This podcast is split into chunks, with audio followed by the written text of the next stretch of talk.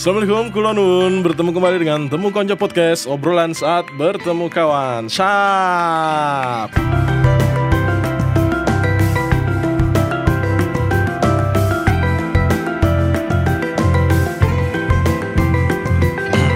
Agak berbeda dengan episode-episode sebelumnya.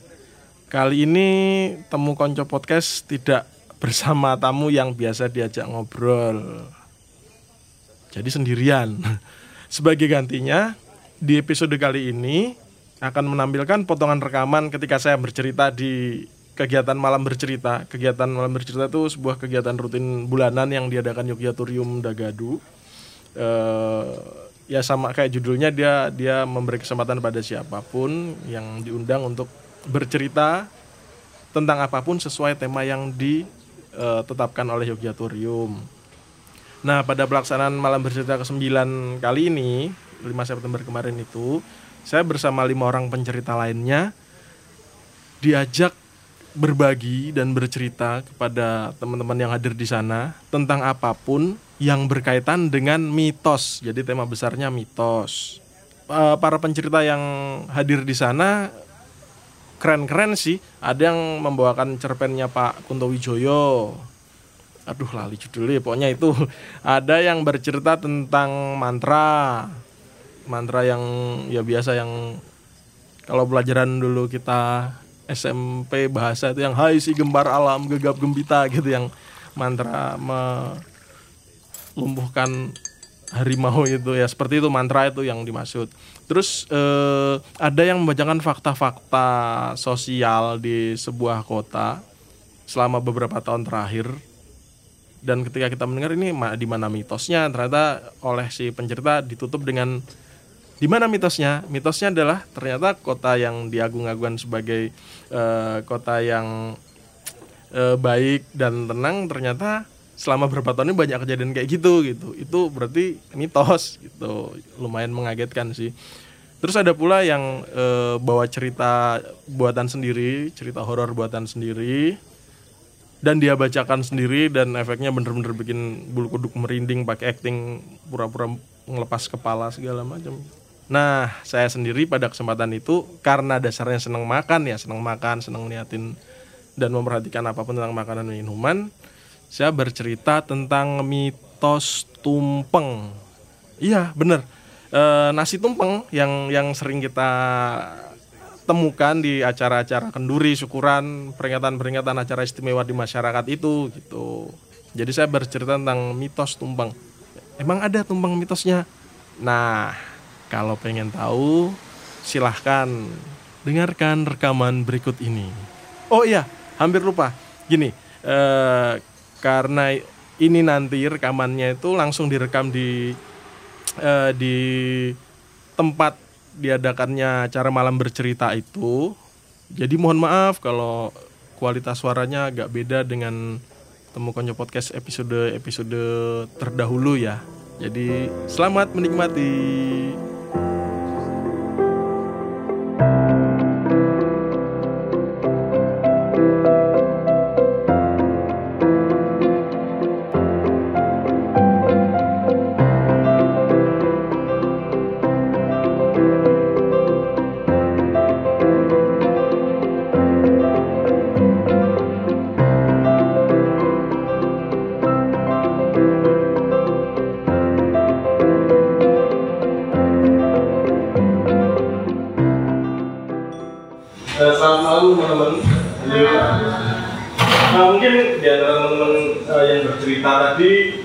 Cerita saya yang paling tidak serem mungkin ya. Hmm. karena ya, ini cerita tentang uh, makanan.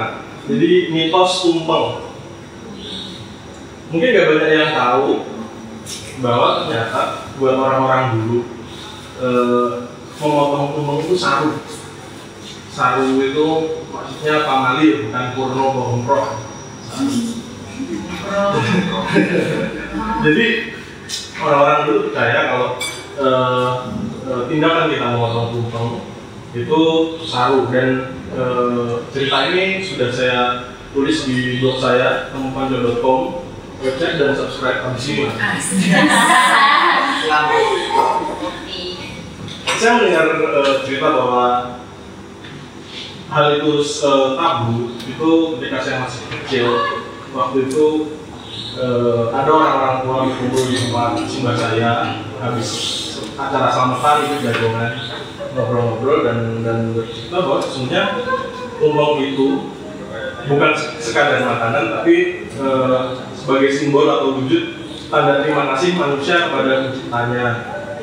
Makanya bentuknya kerucut. Terus uh, dia juga menyimbolkan hubungan vertikal antara manusia yang di bawah dengan Tuhan yang di atas. Makanya dia mengerucut uh, satu di atas uh, si penguasa sang penguasa yang cuma satu itu ada lagi yang uh, simbah-simbah lain di pertemuan itu menambahkan bahwa lawu-lawu sayur segala macam yang di sekitar gunung itu itu juga perlambang sebagai manusia yang macam-macam watak sifat bentuk dan teksturnya ada yang keras, lembut, alot, penyil-penyil segala macam. Terus e, gimana orang dulu menikmati tumpeng? orang dulu menikmati tumpeng. E, dengan cara dengan selamatan itu e, si mempunyai acara mempersilahkan uh, orang orang yang dihormati sesuatu siapa untuk mengambil duluan. Jadi uh, beliau dapat giliran ngambil duluan. Ngambilnya tidak motong gitu tapi ngerok mengambil dari sisi samping itu terus ngambil uh, lauknya gitu. Dan itu terus dilakukan oleh uh, para peserta tamu yang berikutnya sehingga uh, umum itu jadi runtuh. Nah runtuhnya itu juga disimbolisasikan malu ya orang Indonesia sebagai bentuk rahmat Tuhan yang jatuh gembrojok ke masyarakat ke manusia itu nah itu dulu. Tetapi di era yang agak modern gitu. Itu mulai mulai muncul. Kalau ada acara apa apa yang paling tua di dapat potongan gunung paling atas gitu kan ya. Saya nggak tahu itu mulai kapan tapi setahu saya sebelum tahun 70-an hal tersebut jarang dilakukan. Dan saya terjebak umur tahun 70 udah hidup.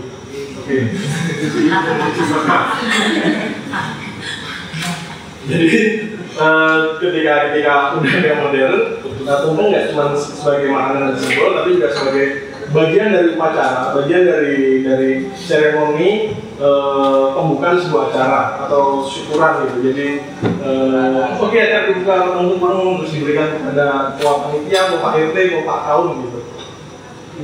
Sebenarnya yang bilang uh, kegiatan ini tindakan ini itu meniru budaya barat yaitu memotong cake ulang tahun cake pertama ulang tahun dipotong terus diberikan kepada yang tercinta atau yang terkasih atau yang dihormati.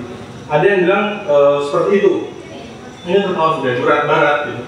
Tapi di Sumatera lain ada teman saya juga yang e, ngeyeli mitos ini dengan mitos lainnya. Jadi uh, dia bilang orang itu e, memotong umum tidak saru karena itu terinspirasi oleh cerita wayang kalau nggak salah di Waruji di mana e, Werkudara atau Bima mematahkan puncak gunung untuk mengambil air kehidupan. Walaupun di cerita itu dia nggak dapat kehidupan di, di, di gunung itu ketika motek itu enggak. Motek gunung. uh, terus letak sarungnya di mana gitu. Ya, mungkin lo udah tahu di mana sih letak sarungnya gitu.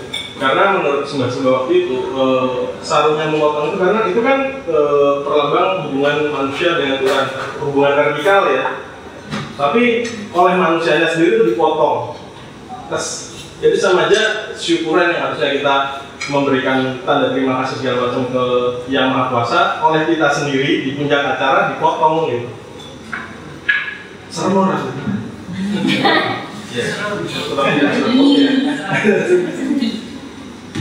jadi jadi uh, itu tadi tentang mitos tumpeng yang satu dengan eh, mitos tumpeng yang lainnya gitu. Terus saya nggak nggak nggak tahu mana yang benar atau mana yang salah, tapi uh, saya ingin tahu sih sebenarnya dari kedua mitos itu kira-kira mana sih yang yang benar-benar mengandung petuah-petuah tersembunyi dari dari para sesepuh kita kepada kita. Apa sih maksud e, larangan atau bilang kalau tumpeng yang dipotong itu saru gitu? Bener saru apa enggak gitu? Saya nggak tahu dari dari sudut pandang lain ya tapi dari sudut pandang kuliner ada perbedaan yang mendasar antara eh, potongan pertama tumpeng dengan potongan pertama eh, cake ulang tahun cake ulang tahun jadi cepat kanan deh cake ulang tahun Uh, biasanya dibikin dari biasa uh, roti roti uh, apa, tepung telur mentega bla bla gitu. Jadi roti bersama uh, pembuatannya dibelah gitu terus dikasih lapisan lapisan apa pun segala macam krim itu di dikasih lapisan uh, mentega es istilahnya icing itu yang bikin dia cantik coklat bikin kita males makan gara-gara cantik itu yang mana mana dipotong gitu ya dengan di icing itu uh, bagian dalam roti, bagian dalam cake ulang tahun terlindung dari udara luar. Icing ini sangat-sangat kedap, kedap sekali, kedap, kedap udara sehingga uh, selama icingnya belum dibuka atau dipotong, uh, bahan makanan yang ada di dalam tetap terjaga kesegarannya dan terus berproses sampai akhirnya dipotong gitu. Itulah mengapa uh, ketika kita memberikan potongan pertama kepada orang yang terkasih, potongan pertama cake itu adalah potongan pertama terenak karena waktu oksidasi dia dengan uh, udara hmm, terus oksidasinya dengan udara luar dia paling sedikit paling singkat gitu itu adalah potongan terenak yang bisa diberikan seseorang pada orang yang dihormati atau orang yang dia kasihi. Itu potongan cake beda dengan potongan tumpeng kita tahu temen punya kerucut gitu terus uh, terapan paling bawahnya kan paling gede. Nah, uh, paling gede terus di di kelilingin sayur lauk lauk segala macam. Sehingga selain uh, tumpengnya sendiri bagian dalamnya terjadi kehangatannya apalagi kalau dia diarasin sama daun pisang gitu aroma daun pisangnya menyerap. Terus kadang-kadang uh, lauk-lauknya, lauk-lauknya, sausnya segala macam berpadu di bagian tengahnya itu sehingga menambah kenikmatan bagian bawah itu dan kehangatannya terus terjaga. Itu bagian bawahnya. Sementara bagian atasnya yang selama ini dipotong dan diberikan ke orang yang kita hormati adalah bagian yang paling tinggi uh, relatif sering terkena angin penampangnya paling kecil. Udara sering keluar masuk dari situ gitu. Apalagi kalau berasnya beras murah untuk bikin tumpeng yang agak lama ini jadi keras. Beras keras beras yang terbuat eh nasi yang terbuat dari beras keras yang kita potong dan kita berikan ke simbah-simbah.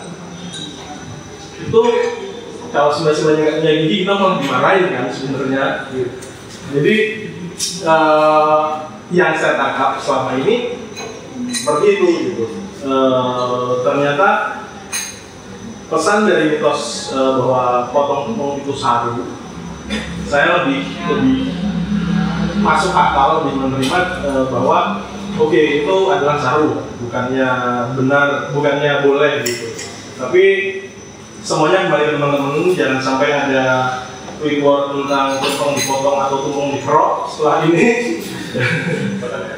selamat menikmati tumpeng dengan gaya teman-teman semua itu cerita singkat dan tidak seram saya seputar mitos. Terima kasih.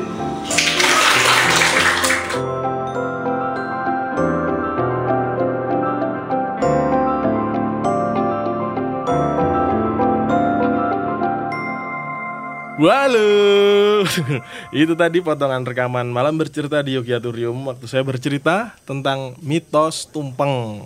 Jadi itu maksudnya mitos tumpeng itu tadi tuh yang di ceritakan itu. Semoga itu tadi tidak memancing tweet war antara tumpeng dipotong dengan tumpeng dikerok ya. Terima kasih sudah mendengarkan. Temu Konco Podcast, obrolan saat bertemu kawan. Sap, wassalamualaikum, pareng.